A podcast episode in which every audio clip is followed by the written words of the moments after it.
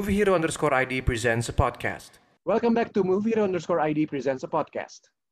Hari ini gue dan Ilham akan ngomongin sebuah film yang viral abis. Film pendek, film Indonesia. It went viral, terutama karakternya yang sangat memorable dan diomongin banyak orang, udah jadi meme di mana-mana. Apalagi kalau bukan Tilik.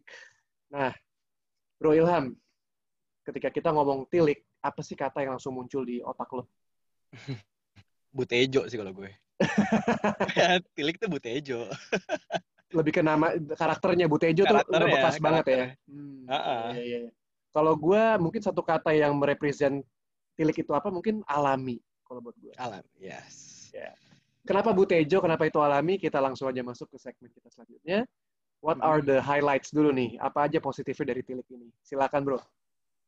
Ini sebenarnya film fenomenal banget nih ya. Ini film tahun 2018 dan eh, film ini dapat Piala Maya kalau nggak salah ya untuk film pendek terpilih dan masuk ke official selection eh, World Cinema Amsterdam tahun 2019. Itu menurut gue prestasi yang sangat luar biasa. Hebatnya lagi dengan pemutaran dalam hanya tiga minggu sudah dapat 22 juta viewers. Itu menurut gue sangat fenomenal untuk ukuran film pendek di Indonesia. Ya, dan ini juga pas banget dirilisnya secara gratis di YouTube waktu 17 Agustusan kemarin ya. Nah, pas banget juga momentumnya di era pandemi kan. Pas orang nggak bisa ke bioskop, butuh tontonan, dan kebetulan ada pilihan film pendek yang dengan tema yang menarik dan related sama orang Indonesia dan khususnya mungkin orang-orang yang tinggal di kota besar kali ya. Jadi, Jadi- kenapa filmnya cepat banget booming gitu loh menurut gue. Jadi apa tuh? Jadi selain dia menang awards dan dia juga te- tepat waktunya, tapi kalau dari filmnya sendiri menurut lo apa sih yang bikin lo tuh jadi wah nih film keren atau bagus atau ngebekas banget di lo gitu? Ngebekas banget di gue tuh karena film ini pertama original kali menurut gue. Dengan apa namanya sebelumnya belum pernah ada karakter kayak gini menurut gue. Dengan dengan karakter yang ibu-ibu, yang rombongan eh, dengan dengan satu lagi dengan bahasa Jawa yang harusnya tuh Yes. orang-orang tuh mungkin zaman dulu ya bisa gue bilang orang nonton bahasa Jawa kayak aduh udah males deh. Kayaknya bukan bukan bukan tontonan gue gitu. Tapi ini orang semuanya nonton beramai-ramai begitu loh. Mungkin karena zaman sekarang udah ada sosial media dan lain-lain mungkin film itu gampang banget eh, nyebar dari mulut ke mulut gitu. Karena pertama temanya menarik dan related sama kita yang hidup di kota besar kan eh, intinya tuh kan pembahasan mengenai internet hoax kayak fitnah-fitnah gitu Iya, kan yang iya. yang yang menurut gue tuh kayak ini ini relatable banget lah sama kaum kaum yang hidup di kota besar. Tapi ini di, di, di, di- disampaikan oleh eh, tokoh yang bisa dibilang di, di kampung kali ya nggak Iya, bukan di iya. kota metropolitan. Jadi kayak apa namanya kayak antitesis kali ya apa apa apa kalimatnya ya? Kayak irrelevant lah bisa dibilang kayak gitu. Gue setuju dari lu gimana Dan itu juga berhubungan juga sama yang menurut gue jadi positif banget dari film ini adalah em, alaminya itu ya. Karena menurut gue jarang film Indonesia itu bisa mempresent acting atau em, screenplay yang alami, yang natural. benar karena ya nggak bisa dipungkiri mungkin banyak filmmakers yang terinfluence sama filmmakers dari luar negeri. Jadi pada akhirnya ketika mentranslate sebuah cerita ke dalam screenplay atau direction itu jatuhnya jadi agak off. Karena mungkin harusnya itu dalam bahasa asing atau dalam bahasa Inggris itu lebih bagus kan. Tapi ketika ditranslate ke dalam filmnya itu sendiri dalam film Indonesia itu mungkin nggak selalu nyambung. Iya. dan dan yang gue gue salut banget sama film ini adalah ya ini benar-benar deket sama kita sebagai orang Indonesia.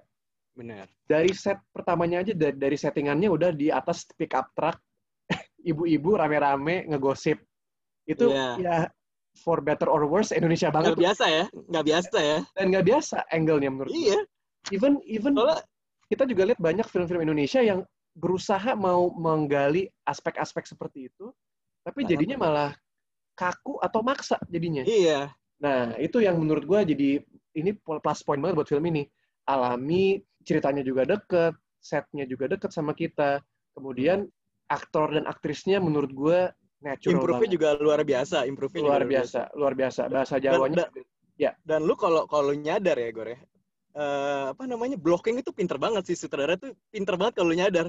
Blocking pindah-pindahnya secara tanpa sadar mungkin kalau kalau orang yang nggak merhatiin karena cuma merhatiin dialognya aja mungkin nggak nggak bakal gue tuh merhatiin banget. Gue nyari-nyari nih film dari blocking blocking itu pinter banget. Misalnya kayak pas adegan Butejo sama Yuning itu perang mulut si secara nggak langsung lu perhatiin deh si kerudung merah tuh ada di posisi yang kadang-kadang ikut ke kiri ke kanan kalau lagi pro atau di tengah-tengah tiba-tiba netral tuh kayak dipikirin banget gitu tiba-tiba ada klakson Oh. mereka nunduk rame-rame. Iya, Kayak itu tuh sesuatu yang menarik aja terus ada adegan yang menurut gue tuh lumayan uh, highlight buat gue pas adegan klakson nunduk semuanya tapi si uh, Butejo sama Yuning masih tetap berantem tapi yang lain nunduk tuh kayak menurut gue menarik sih Itu keren banget ya. Kayak maksudnya itu tanpa dipaksain, gitu tanpa dipaksain tuh tapi bisa flow secara Iya. natural gitu ya. Keren banget sih. Iya, iya. lucu dan mereka ibu-ibu dalam bisa dalam artian itu mereka men- menyontohkan itu ibu kan dan nggak lupa Indonesia tetap warkop DKI slapsticknya masih ada adegan muntah di muntah di truk itu kan wajib ada tuh ya mabok darat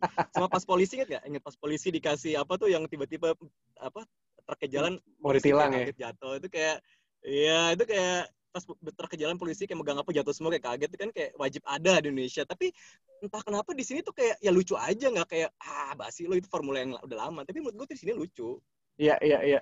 Setuju banget sih. Oke, sekarang itu positifnya ya. Jadi positifnya lumayan banyak sebenarnya dan kelihatan juga dari awards yang didapatkan, terus views-nya juga banyak banget, Hmm. jadi viral. Nah, kira-kira ya no- nobody is perfect, no movie is perfect. ya Pastilah masih ada kekurangannya ya. Kira-kira menurut lo apa aja tuh, Han? Kekurangannya sih menurut gue kita semua eh, ini agak spoiler ya kita semua agak berharap itu tuh ada plot justru harus lu kan, harus full full spoiler justru. ya oke harusnya kan ada ada plot twist atau ada apa ya, ada yang mungkin orang buat sebagian orang itu plot twistnya di situ tapi buat gue tuh kayak harusnya plot twistnya tuh kayak nggak kayak gitu. Ternyata tuh yang apa yang diomongin Butejo itu ternyata semuanya benar kan? Jadi Iya, kan menggambarkan kayak nggak nggak semuanya orang yang yang yang julid atau ya ya ya salty itu sebenarnya nggak semuanya itu kayak salah gitu ternyata ada benernya juga gitu maksud gue dan menurut gue tuh ending kayak lima menit terakhir tuh kayak harusnya nggak perlu gitu kayak yang ya adalah ada adegan-adegan buat gue miss lah pokoknya Oke. Kalau buat gue juga sebenarnya agak em, negatifnya dari sisi gue juga agak mirip-mirip sama lo sih. Gue Hmm. jadi agak sedikit bingung nih secara moral, moral of the story ini. nah benar En- endingnya tuh Moral of gue jadi oke. Jadi is it okay to gossip? nah itu dia makanya gue itu tuh kalimatnya itu paling pas tadi sebenarnya gue pengen, pengen Iya, kayak Nah, kayak gue gue tapi gini, mungkin ada banyak tipe audience ya. Ada tipe Ah. audience yang lebih seneng dikasih jawaban mentah-mentah apa adanya, ada conclusionnya, ya kan, ada closure. Tapi ada tipe audience yang lebih seneng digantungin.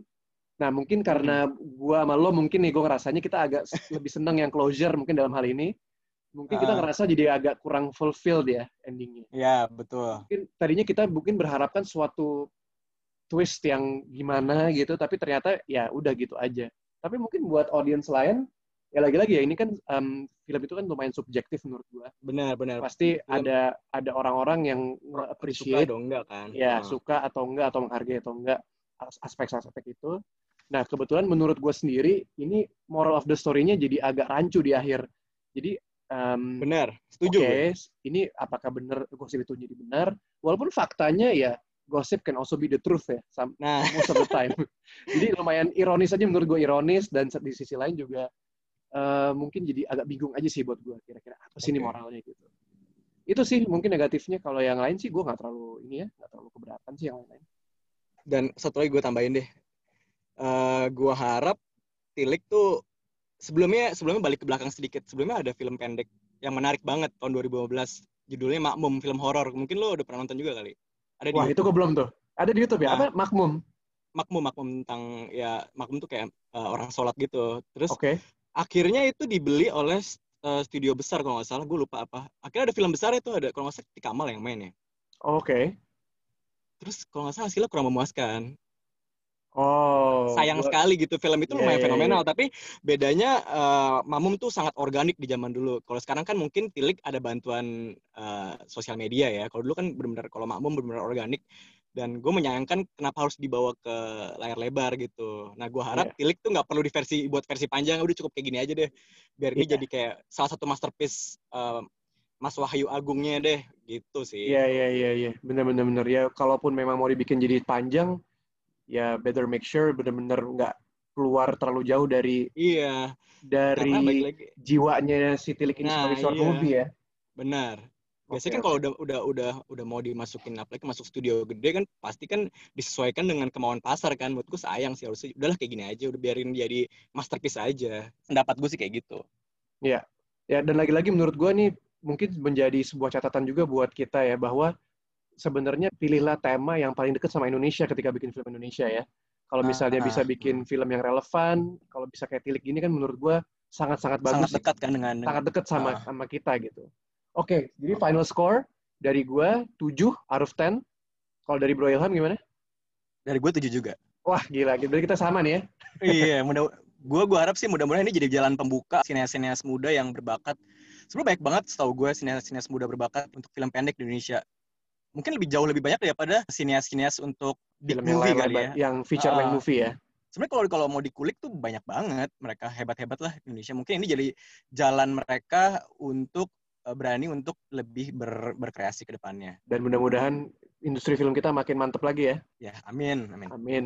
Oke, thanks for joining us. Itulah episode kita hari ini mengenai Tilik. Thank you Ilham udah join dan udah ngobrolin Tilik. Sama-sama, Gor. Sip. Sampai ketemu di episode berikutnya. Bye. Bye.